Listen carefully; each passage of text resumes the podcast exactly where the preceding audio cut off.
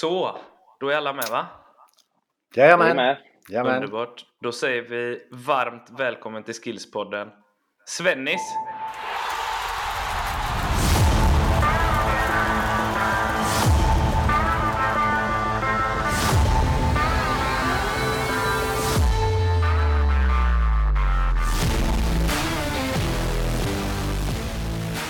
Eller ska vi säga Sven-Göran Eriksson?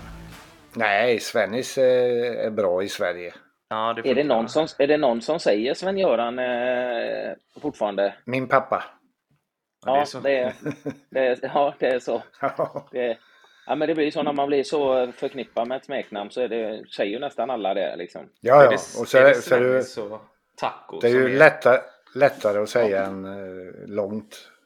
Och Sven-Göran blir lite långt Ja, och det gör det. Lite snabb, det går lite snabbare. Ja, Hinner man med exakt. mer andra saker att prata om. Mm. Det blir långa e-postadresser med, med Sven-Göran Eriksson. Ja, det gör det. Ja. Du, eh, vi är otroligt glada att du eh, ville ställa upp och, och snacka lite med oss idag. Eh, vi, Ja, men det vi, ska, eh, det ska bli trevligt. ja, vad Hoppas härligt. jag. Den här podden handlar ju om, eh, om svensk fotbollsutveckling. Och, och Ja både jag och Anders är väl lite oroliga för hur, hur vi har blivit lite omsprungna av våra nordiska vänner. För det får man väl ändå säga att vi har blivit. Eh, vi har väl, eller ja, som Bojan sa, Danmark har väl alltid legat lite, lite före. Eh, Men nu är vi liksom, okej inte alltid, men den inhemska fotbollen har ju legat långt fram ganska länge, får man väl ändå säga. Eh, Men nu har även Norge sprungit förbi oss och de gör ju stora satsningar liksom. Nu kommer Vad- norrmännen också, inte bara Ja, på precis. skidor. Nej, de gör ju inte det. De ska ju ta oss på fotboll med och det vill inte vi. Nej. Ehm, Men, men vi kommer komma in lite mer på det. Du har ju varit, du har ju otroligt mycket erfarenhet från fotbollsvärlden och du har varit tränare i både klubblag och landslag och sådär. Vad, vad, vad upplever du är den stora skillnaden på svensk fotboll och internationell fotboll så att säga? I hur man tränar och Ja. så vidare. Ja, i, först och främst så tror jag att man ska skilja på landslaget och klubbfotbollen i Sverige. Mm. Landslaget Ja. är ju normalt sett ganska bra och ibland riktigt bra. Eh, man ska väl komma ihåg att vi är ett relativt litet land och vi kan liksom inte alltid konkurrera med Spanien och Tyskland och England och Frankrike och så vidare. Men det är klart att vi måste kunna konkurrera med Norge. Mm. Och det hoppas jag vi kan. Och det var ju Åland som sänkte Sverige två gånger på sju dagar. Mm. Eh, Men landslaget har ju då när de får till det, liksom de har några bra spelare som är mer eller mindre lika gamla, då, då, då är de bra. Det vet ju Anders här perfekt att så är det. va. Men det jag är riktigt orolig för det är ju klubbfotbollen. Mm. Därför att eh, du får avbryta om du vill att jag kommer på fel spår här eller Absolut Nej, inte. Du är inne på. på Det helt rätt är spår. precis det. Ja, men därför att klubbfotbollen, eh, vi kan ju inte behålla några talanger alls idag. De försvinner ju när de är 16, 17, 18 år. Och de lämnar ju svensk klubbfotboll på grund av att de får bättre betalt. Sista exemplet var väl en eh, från Göteborg om det är för ett år sedan, en mittback som var 17 år. Går till ett, Tollisson. Tollinsson, ja, kanske. Han gick till en belgisk division 2-klubb Mm. där han får bättre Mm. betalt än IFK Göteborg. Och det... Jag kommer ju ihåg när jag var i Göteborg, då fick vi ju behålla alla spelare. Eh, längre och, eh, och det var ju för att det var innan Bosmandomen va.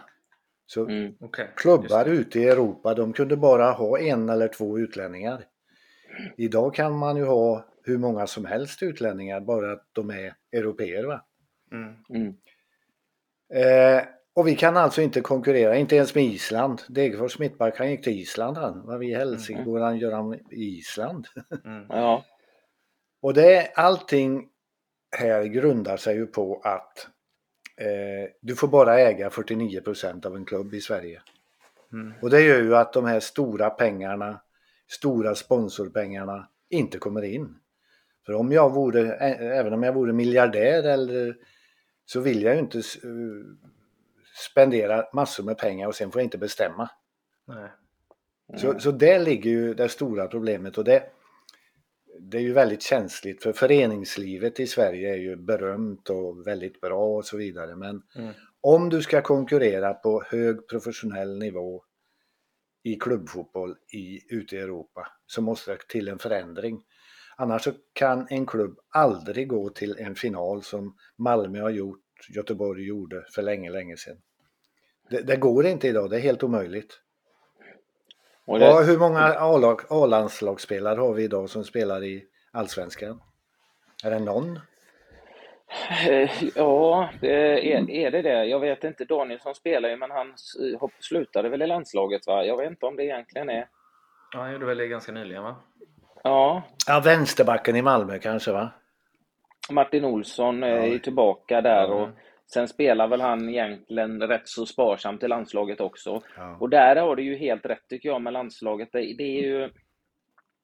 Där kommer det ju perioder när man har bra generationer som du säger och man har bra spelare i bra form. Men eh, så, eh, de hör ju inte riktigt ihop, även om de till viss del hör ihop med svensk, svenska fotbollsspelares utveckling så hör det kanske inte ihop med klubblagen. För jag menar, det, Åsund ska vi väl inte måla fram på väggen för det är ju inte så länge sedan Sverige var i kvartsfinal i, i, i VM här va, i Ryssland 2018. Så det, eh, vi kan ju inte räkna med att vi ska vara där bland de åtta bästa i världen liksom eh, varje VM. Det, det, Nej, det går inte. Det kommer, vi, det, det kommer vi inte vara. Men klubblagsnivån eh, är ju för låg och det finns ju en hel del du säger i, med, med 51%-regeln och, och, och den möjligheten. Men någonting som, som oroar mig, som du också nämner, är, är ju de här unga spelarna som lämnar väldigt tidigt. De lämnar ju delvis e, på ekonomin, där vi inte kan mäta oss såklart. Men någonting som oroar mig också, är att man lämnar väldigt tidigt och då, då får de att, inte bara att de får en bättre ekonomi utomlands, utan att de känner att de får en bättre utbildning och en bättre utveckling. Och, och det, det oroar mig lite grann. Eh, för man har hört flera som har lämnar tidigt och där de tränar annorlunda, eh, mer fokuserade på eh, individuell utveckling och belastning. Eh, att de tränar mer eh, än, vad vi, än vad vi gör i Sverige och ändå så har vi många tränare som jag har pratat, om, eh, eh pratat med som, tycker, som är så oroliga för belastningen. För du, du var ju ganska, när du, när du klev fram med Blåvitt och, och IFK Göteborg och med, med, alla de framgångar du fick där, då var väl ni ganska revolutionerande. Ni tränar ju ganska mycket och ni spelar ju ganska alltså, fysiskt krävande fotboll. Ja, vi tränade ju alla dagar i veckan om du hade en match utom en dag då, en dag ledigt och det är ja. ju vad proffsklubbarna gör idag. Så vi tränar lika mm. mycket även om vi inte var professionella. Och då var det väl en skillnad mot övriga klubbar kan jag tänka mig också i Sverige? Ja, jag kan misstänka att Öster gjorde likadant men jag mm. tror de flesta tränar inte eh, fem dagar i veckan, det gjorde de inte.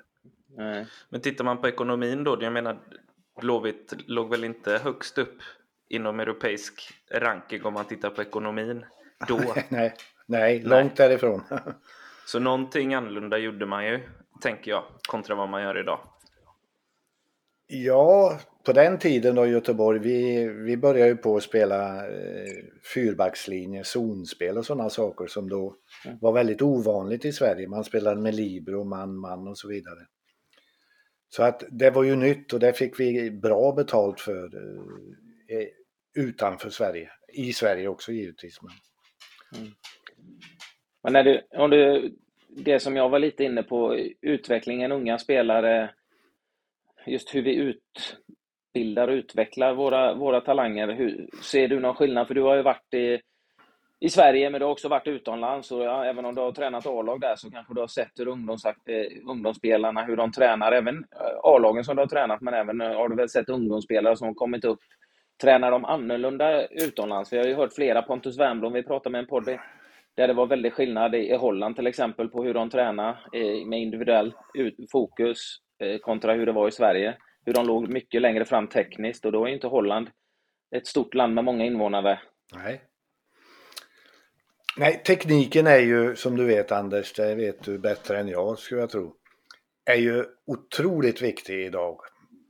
Även mittbackar måste ha bra teknik idag. För de, de ska börja anfallet och så vidare.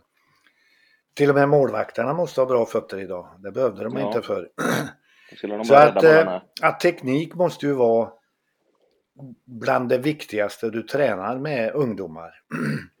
Och då menar jag inte att du ska stå och jonglera med bollen eh, en kvart utan det är ju spel och spel med eh, färre spelare, va? tre mot tre, fyra mot fyra, fem mot fem och så vidare. För det gäller ju att under varje träning att du ska ha så många touch på bollen som möjligt för att mm. förbättra din teknik. Och teknik det är ju att kunna ta emot och passa. Eller kanske eh, allt i ett, va? ett tillslag mm. så att säga. Så det, det, här, det på senare år, det har ju blivit mer och mer viktigt va? Och att du ska kunna göra det under press. Du har inte tid, du har inga ytor idag när du spelar fotboll i allmänhet. Du måste ta beslut väldigt snabbt. Så det tror jag att det, det är A och O att träna för ungdomar. Sen är jag ingen specialist på ungdomssidan men eh, ja, att du spelar så mycket som möjligt med unga spelare både på tjejsidan och killsidan. Det måste ju vara A och O helt enkelt. Precis, det du är inne på tycker jag också är bra. Spelar du smålagsspel 3 mot 3, 4 mot 4, 5 mot 5, då hamnar du i många situationer. Du får många touch som du är inne på, men du utsätts för många problem och måste hitta många lösningar och verktyg. Så du tränar ju upp spelförståelsen. Det blir väldigt mycket situationer på kort tid. Det blir väldigt intensivt. Och då får du ju tränat upp snabba beslut, att röra dig för att skapa ytor liksom och, och, och, hela tiden veta vad du ska göra av bollen innan du får den. Så jag tycker smålagsspel är ju bland det bästa du, bästa du kan träna egentligen. Inte bara för unga utan även upp, upp, i, upp i åldern. Och, ja, jag håller med dig. När du har ett A-lag, var det än är, om du spelar fem mot fem eller vad det är. Spelarna älskar ju det. Därför ja, att de det får... roligt som fanns. Ja, det är klart. Och säger du att då den som den som förlorar här han får bjuda på en Coca-Cola eller vad det är. Mm. Så att eh, det blir ju en, väl, ja, det blir ju en väldig intensitet och har du rätt ja. Typ av spelare som inte vill förlora, det blir ju en enormt tempo. Mm. Ja, jag hade förmånen att åka och titta på Barcelona när de tränade. Eh, det var Tord och jag, eh, vi var där några dagar. När Beppe Guardiola hade dem. Mm. Då tror du liksom, och det här var alltså en dag och två dagar innan de mötte Real Madrid. Och det var alltså vem skulle vinna ligan. Och då tror du ju att Barcelona skulle göra fasta situationer och uppspel och allting. Ingenting. Guardiola knappt titta på dem. Fem mot fem spelar de. Ja. Och det var ju... Hög intensitet. Ja. ja, och se Messi spela fem mot fem på lite, det var ju, det var ju art, det var ju konst. Mm. Bollen gick banne med så snabbt på inga ytor alls. Fantastiskt. Och det gjorde han bägge dagarna. Det var det enda de gjorde, Barcelona. Sen gick de och dammade dit eh, Real Madrid eh, tredje ja. dagen. Det är inte vilket lag som helst. Nej, nej, nej. men det, det är ju fantastiskt och du får det i många situationer. Och där ser du ju, när du ändå pratar om Spanien, jag nämnde tidigare på det, men det var så slående när jag spelade i landslaget och även när man när man mötte de här spelarna, men även man ser dem spela. För jag mötte ju Xavi, Iniesta och de här många gånger och Xavi tar, tar som exempel, jag är lite större, jag är inte stor, men jag var lite större, var lite starkare och lite snabbare om vi skulle löpt, tror jag. Men ändå så kändes det som, som han hade mer tid hela tiden. Du får aldrig tag i bollen. Du, nej, du får aldrig tag i den. Det känns som de har mer tid. Och tittar man Spanien och även många i Sydeuropa, liksom även Italien, det känns som de har mer tid. Ja. Att de har mer tid än vad vi har och det är ju tid de skapar sig för att de är bolltrygga och de vet vad de ska göra av bollen innan de får den. Och de har medspelare som visar, visar sig hela tiden. Och det där är imponerande. Det, det, det är en bit som jag känner att vi ligger efter i Sverige. Och, eh, och jag vet ju själv när vi skulle spela matcher i Europa, när jag spelade i Elfsborg och vi mötte vi mötte ju Valencia, nu hade de ett helt fantastiskt lag med David Villa och Aymar, alltså de hade ett, ett världslag liksom. Eh, Johan Karlssons höft, är den okej? Okay, ja, den är, den, den, är nog inte okej okay än idag. Nej. Jo, den är okej. Okay. Han är fruktansvärt bra på padel Johan, så att eh, okay, han skulle nog vilja ha en revansch mot eh, Jacquin i, i där. Men, ja. nej, men, och, men när vi tränade, när vi skulle förbereda då inför att möta Valencia borta, så tränade vi minst 80% vad vi skulle göra när, när Valencia har bollen. Och vi förlorade, vi, vi sa vi ska hålla tätt. Och det tog ju sju minuter så hade David Villa gjort 1-0 på Mestalla. Och det, det, men det var ju att när vi, när vi vi sprang och vi sprang och sprang, men när vi fick bollen då stod vi still. För då hade vi gjort det vi hade tränat på. Och där tycker jag, jag tycker generellt i svensk fotboll att vi, är, vi tränar lite för lite på vad vi ska göra med bollen. Vi är klart, klart sämre. Vi har blivit mycket bättre tekniskt än på min tid. Och om man går ännu längre tillbaka, men jag tycker fortfarande att vi, just det här med att veta vad du ska göra av bollen innan du får den, ha den här rörelsen och bekvämheten med bollen, där ligger vi fortfarande efter större delen av Europa och det känns som vi hamnar nästan längre efter fastän vi har blivit bättre än vad vi var på min tid. Ja, du jag... behöver inte hålla med Svennis. Jo, det jo, jo. kan jag inte hålla med. Jag håller med dig. Liksom, jag hade ju England under några år där och då tror du ju att du ska kunna ha de bästa spelarna i världen. Va? Men jag kommer ihåg vi spelade en träningsmatch mot Spanien i, eh, i Madrid. Mm. Och eh, då hade jag alltså Scholes, Lampard, Beckham, eh, Steven Gerrard på mitten. Du tror jag, ja, skitspelare. Typ. Men vet du, vi åkte dit med 3-0 och det var ju Xavi och Niesta. Vi fick aldrig tag i bollen. Nej. Det, det, det, var det värsta jag har sett och just Xavi som du säger. Jag tror aldrig jag har sett en mittfältare live som var så jädra duktig. Vi kunde banne mig inte ta bollen från honom. Och trots att jag då har världsspelare så vi fick ju aldrig tag i bollen. och som du nej. säger, när du får tag i den då har du sprungit skiten ur dig så att du är trött helt enkelt. Ja, och då, då, då, då, när någon har bollen då står de andra och vilar. Bara vad skönt, nu har han bollen, vad ska han göra med den? Istället för att springa i alternativ.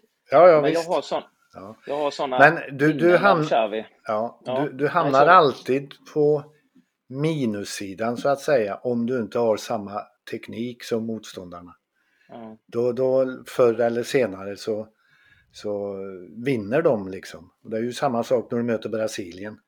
Mm. Du får ju banne mig inte tag i bollen och vi, vi nu pratar jag England, eh, mm. 2002.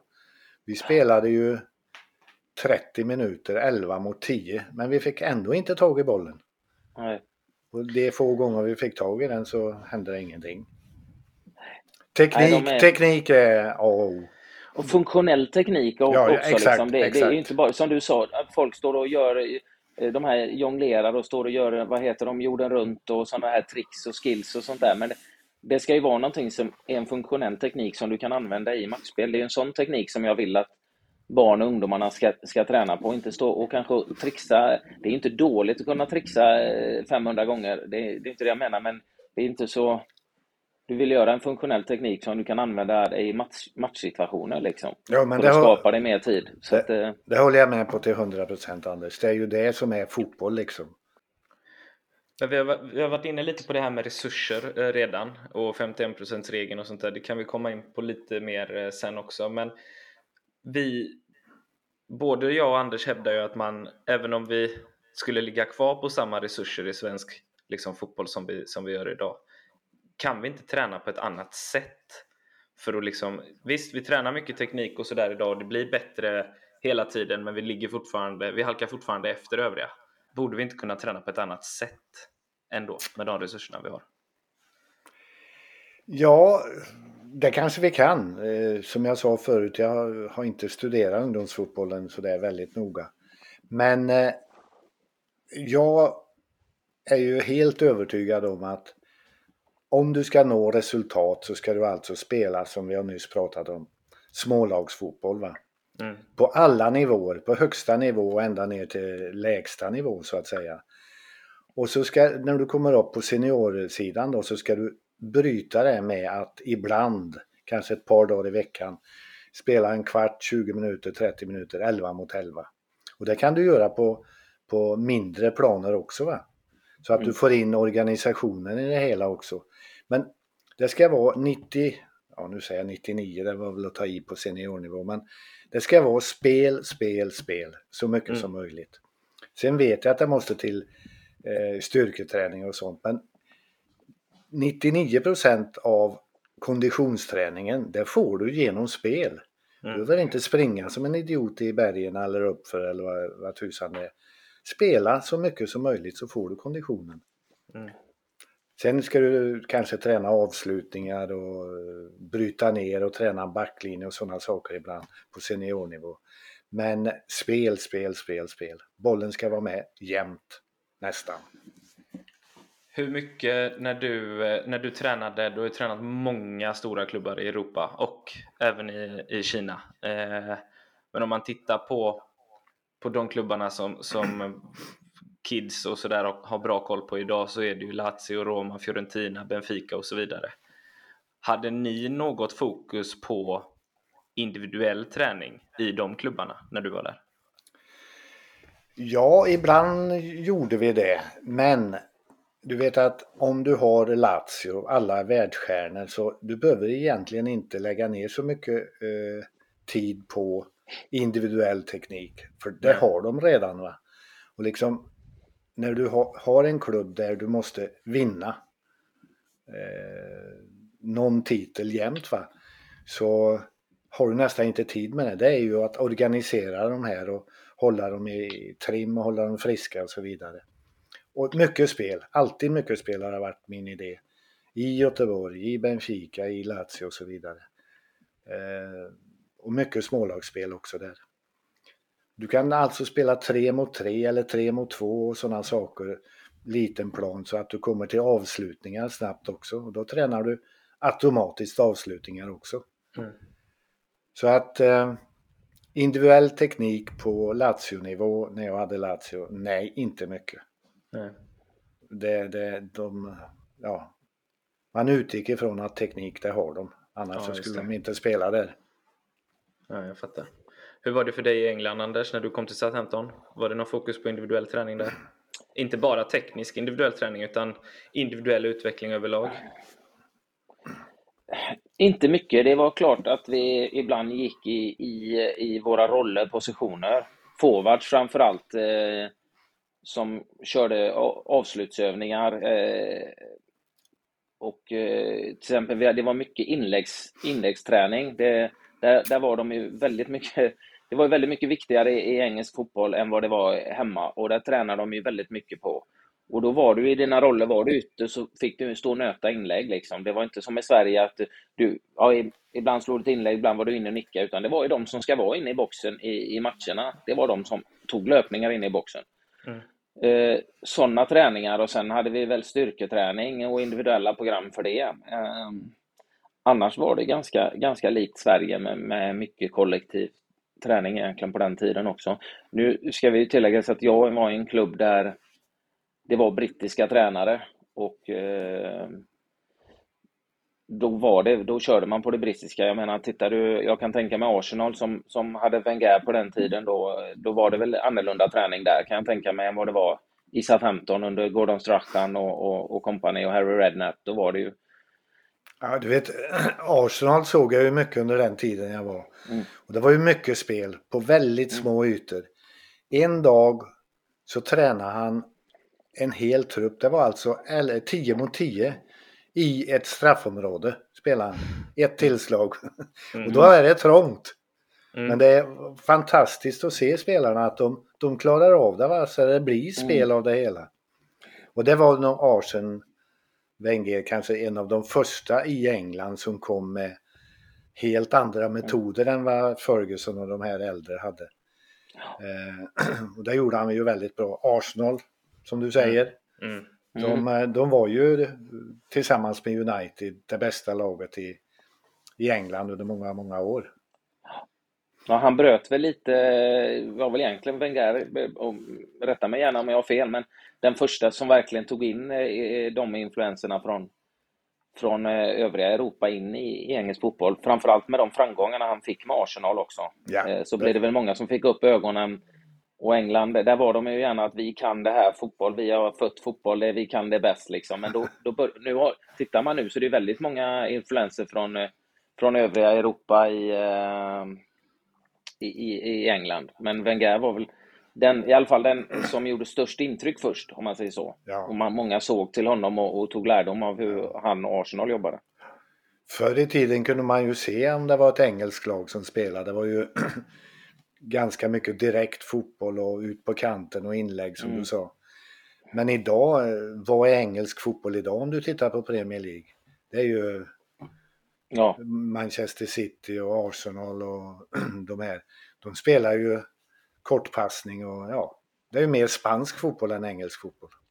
Ja, Ja, men så är det ju. Tittar man, det är nästan alla lag, det är väl i stort sett de flesta lagen i England spelar ju, Premier League spelar ju på det sättet nu med influenser och har utländska tränare och, och staber som kanske har den eh, fotbollen, man har spelare, man har den spelidén egentligen i stort sett i, i nästan alla lag i Premier League nu. Ja. Så det, det har ju skett en enorm, enorm förändring där.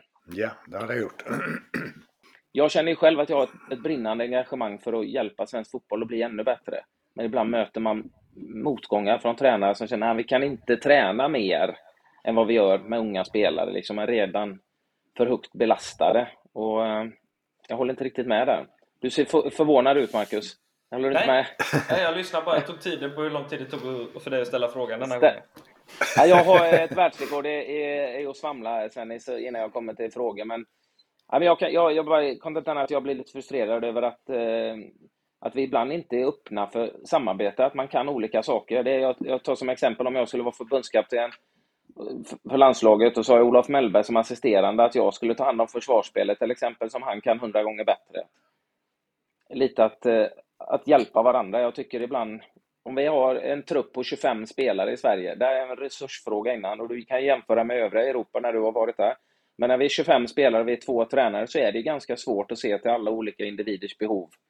Titta på om man har ungdomslag till exempel. Jo, men eh, tar du de stora klubbarna ute på kontinenten idag så har de ju tränare för eh, forwards, de har tränare för backlinjen, de har specialister helt enkelt. Och mm. det är de ju inte rädda för att ta in. Och jag menar, är man rädd för nyheter, det är ju begynnelsen till att gå bakåt. Mm.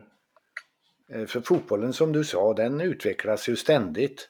Eh, IFK Göteborg på min tid, vi var fantastiska. Men skulle vi spela den fotbollen idag så får vi inte alls bra betalt för det. Nej. Menar, Nej, det förändras ju hela tiden såklart. Hela tiden förändras det. Så att, det måste du vara vaken för. Och är du inte det då, då förr eller senare så faller du ifrån så att säga. Men den organisationen du jobbar i, är det bara ungdomsfotboll eller också på seniornivå? För mig är det även på seniornivå. Jag menar, du kan ju ha spelare som behöver jobba på vissa egenskaper eh, eller förfina spetskvalitet, eh, spetsegenskaper, att jobba individuellt med de bitarna för att du inte hinner göra det kanske i, i lagträning. Du, vem var det som började med det där med ljus? Var det Borussia Dortmund eller någon lag i Tyskland?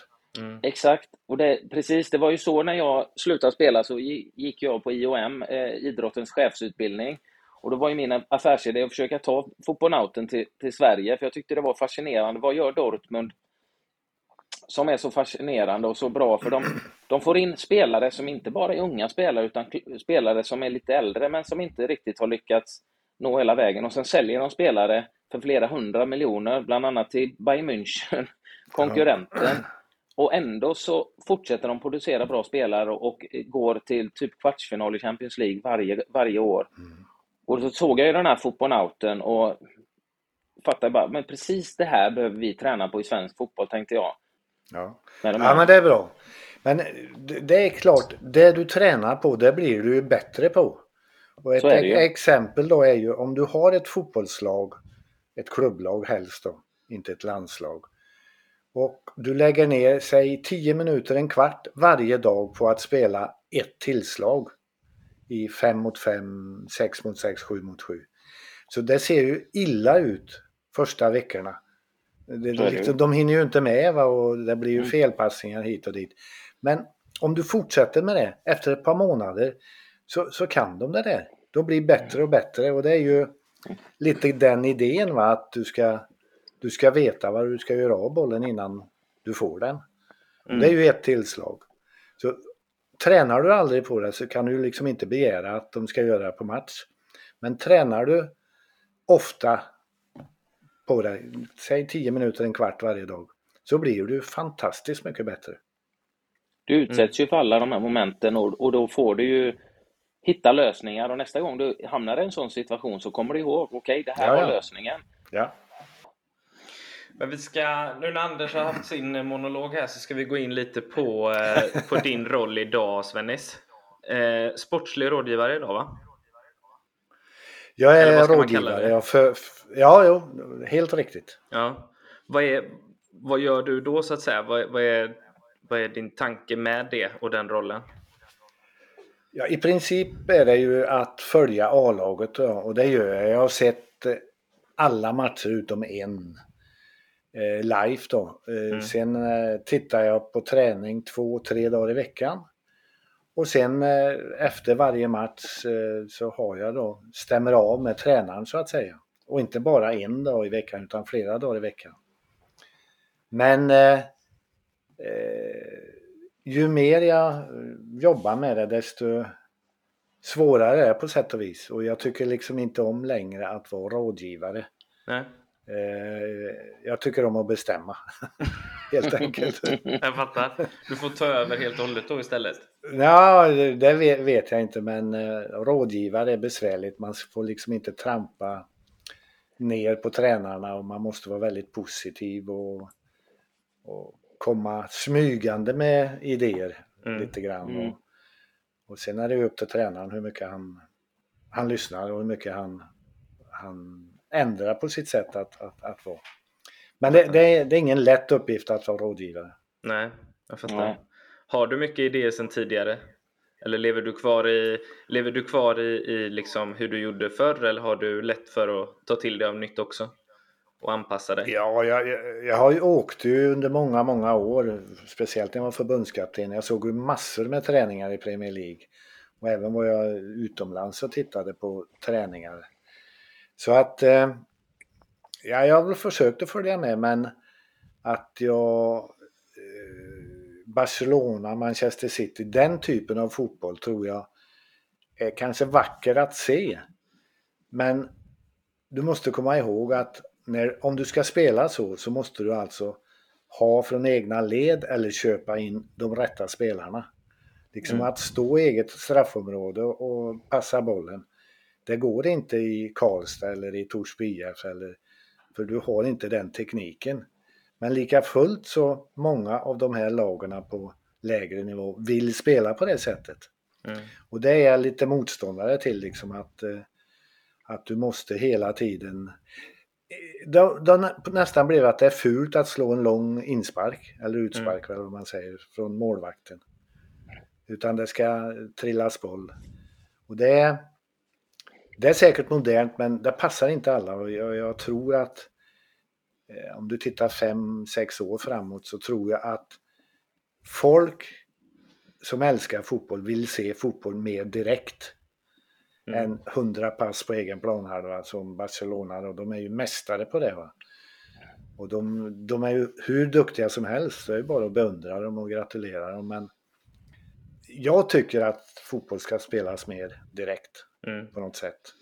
Pontus var inne på det också som vi pratade häromdagen, Pontus Wernbloom. Eh, och där kom vi även in på att sätter vi för mycket riktlinjer i träning och i match så kommer vi till slut kanske att få fram färre kreativa spelare som inte hittar på det här lilla extra i match och sådär för att de är så knutna till ett visst spelsätt och en viss idé och de får liksom inte, de får inget utrymme för att utforska själva och, och bygga upp kreativiteten. Ja, det har du helt säkert rätt i. Jag menar, har du spelare som eh, kan eh, vara avgörande, va? som gör Mm. det lilla extra, Messi och Ronaldo och allt vad de heter. Eh, Så den, den delen av fotboll är ju hur viktig som helst. Du får ju inte ta bort det. va. Eh, Utan du ska vara organiserad försvarsmässigt och anfallsmässigt, men du ska alltid ge tillåtelse till att eh, lösa problem på egen hand. Liksom har du eh, de här bra spelarna så dödar de inte med att du måste göra hela tiden på ett visst sätt. Då, då, är, du, då är du fel ute helt enkelt. Mm. Just det. Vad, eh, du, vi var inne lite på det här med 51%-regeln förut. Ska vi, ska vi ta det lite grann? Tror du, vad, vad finns det liksom för vad finns det för för och nackdelar med 51%-regeln? Och vad skulle ske, tror du, om vi skulle avskaffa den i svensk fotboll? Om vi vill ha bättre klubbfotboll så måste vi avskaffa den. Okej. Jag kan inte se att vi ska fortsätta och inte har råd att behålla 17-18-åringar som drar iväg till andra klubbar. Och inte, jag, jag, säger ingenting om det vore att de går till Bayern München eller Liverpool eller vart de går, men de går ju till mindre ligor. Mm. Och de går till ibland i division 2. Och risken är ju där då liksom att de ibland får sitta på bänken dit de kommer. Och jag är övertygad om att all, nästan alla av de här spelarna, yngre som försvinner tidigt, som går till, inte storklubbar ute i Europa, de skulle hellre vilja spela i AIK, Hammarby, Göteborg, Elfsborg eller vad det är. Om de kunde få samma träning och samma eh, pengar. Så skulle de inte gå va. Men vi kan ju liksom inte konkurrera ekonomiskt. Och därmed tror jag också att vi kanske får sämre tränare om vi inte har ekonomin.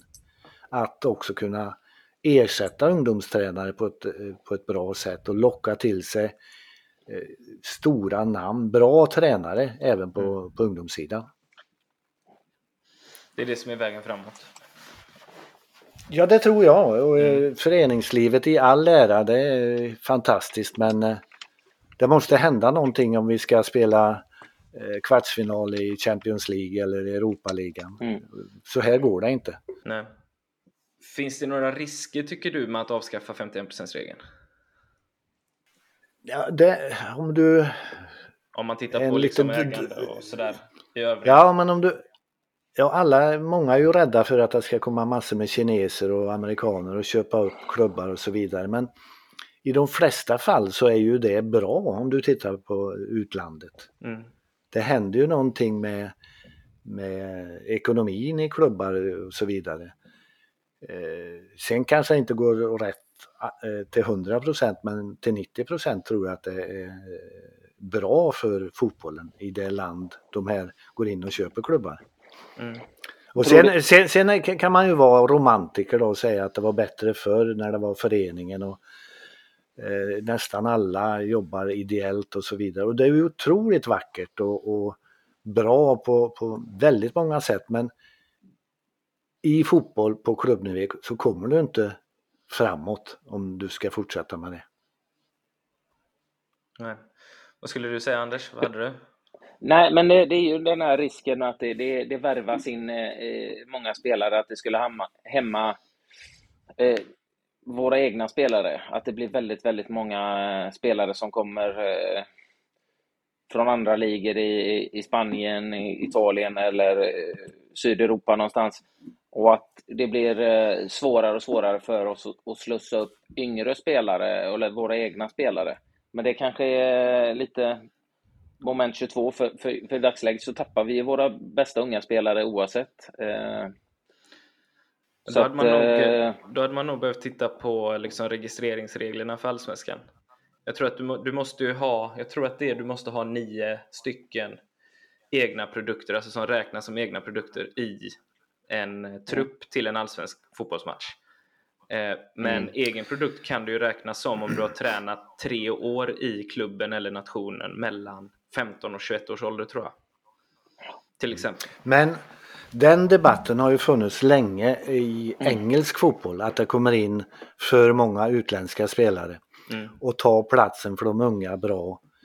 Men där håller jag inte med därför att engelska landslaget blir ju bättre och bättre och bättre. Och en av anledningarna till det, det är ju att man får träna ihop med Terry Henry och allt vad de heter som har kommit in i, och tränar du med bättre fotbollsspelare så blir du ju automatiskt bättre. Så, så, att jag är inte orolig för att det kommer att hända, det tror jag inte. Eh, de, de, bra, de bra unga fotbollsspelarna kommer alltid framåt Även om du konkurrerar med utländska eh, spelare. Du tar ju ett ganska starkt argument där om man tittar England precis där det är väl, liksom så otroligt många ut, utländska spelare som har värvats in. Ändå så tycker jag att rent individuellt kvalitetsmässigt är Englands landslag nästan bättre än någonsin. Liksom man ser spelare som kommer fram, Phil Foden till exempel. Du har eh, jag säger Alexander Arnold även om han har en tuff period. Och, nej men Reece James, Grabowski, ja, ja. har väldigt, väldigt många duktiga unga engelska spelare som har kommit fram. Så att, ja. eh, det har men, inte direkt hämmat deras utveckling eh, att, det, det har, att det är väldigt många europeiska eller utländska spelare i Premier League. Absolut inte, men du var ju i England eh, och jobbade på väldigt hög nivå, va? Eh, spelade. Men förr i tiden så engelska spelare, när det var väldigt få utlänningar i, i Premier League. Så efter träning, vad gjorde de då? Jo, de gick på puben. Efter mm. matcherna, vad gjorde de då? De gick på puben. Mm. Men så kommer ju alla de här utlänningarna in där alkohol inte är lika viktigt som för engelsmännen som det var. Så idag, eh, träningen är slut eller matcherna är slut, det finns ju inget fotbollslag som går på puben. Så det, det har man liksom automatiskt eh, tagit bort. Och det är ju en del som har gjort Premier League och engelsk klubbfotboll bättre. Och Men även du tror då, att det är på grund av eh, de utländska spelarna ja, som kom in? Ja, det tror jag. Att de lär sig av dem hur de ska spela, hur de tränar och så vidare. Du lär dig inte bara av tränaren i klubben, du lär dig av dina eh, kompanjoner på mm. plan. Mm. Ja, det vet jag Nu nämner jag ju Arsenal och Arsen Wenger igen, men... Eh, Gör ingenting. Det vet jag ju. Nej, Fredrik Ljungberg, men precis det du säger. Jag vet ju Fredrik Ljungberg, då hade han ju en tendens att stoppa i sig McDonalds och grejer hit och dit utan att gå upp ett gram visserligen. Men han berättade ju ganska tidigt när han var med på, med Arsenal där han gick med Smarties, den här chokladen, de här små choklad...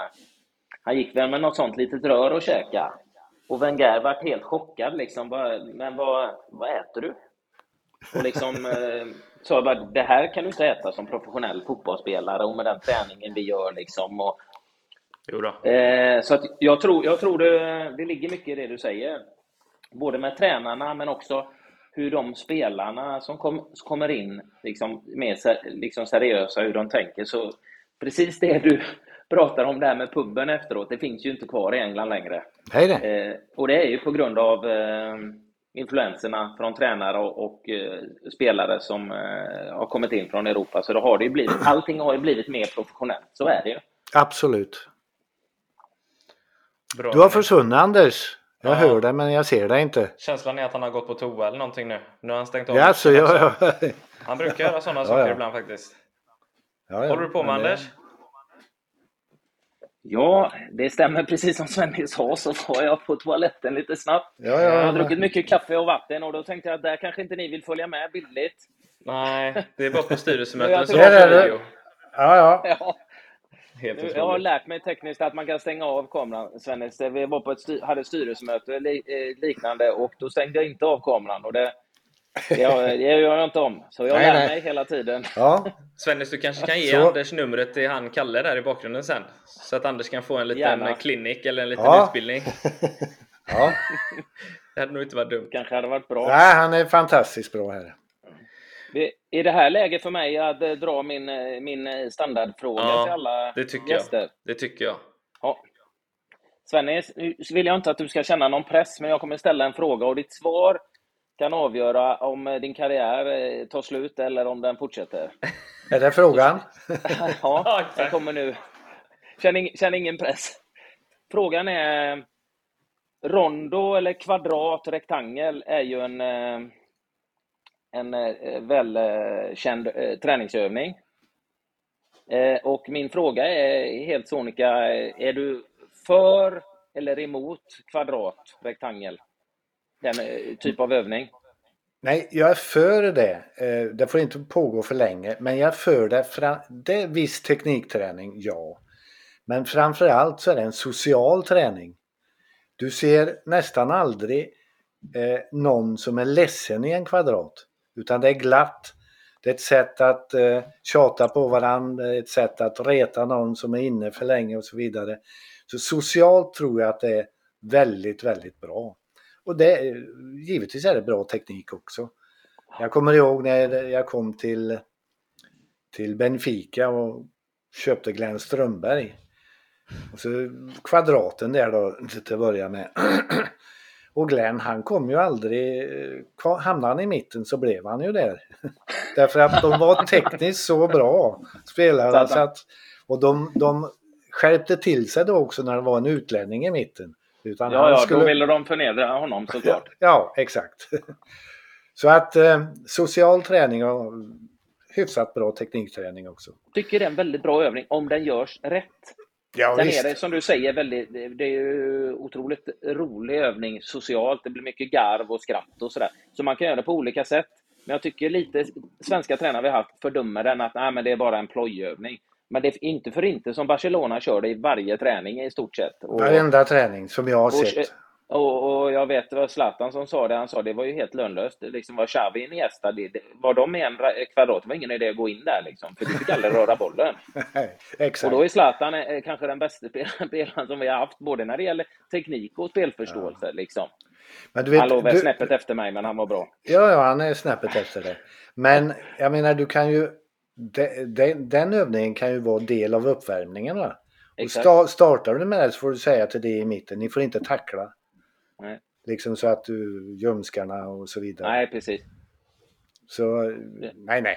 Kvadraten är ju hur bra som helst. Tycker det jag. finns många moment i det, men också inte glömma det sociala som du nämner, för det är också viktigt. Man ja, tränar varje dag, man, det, det, det, är mycket press och fokus på spelarna hela tiden. Är det Kalle som låter? Nej, det är min hund. ja, jag hörde det. Ami. ja. Nej, men som du sa, det är socialt. Det är viktigt för man tränar varje dag nästan ihop och det är väldigt mycket press och fokus på fotbollsspelare och tränare att leverera resultat.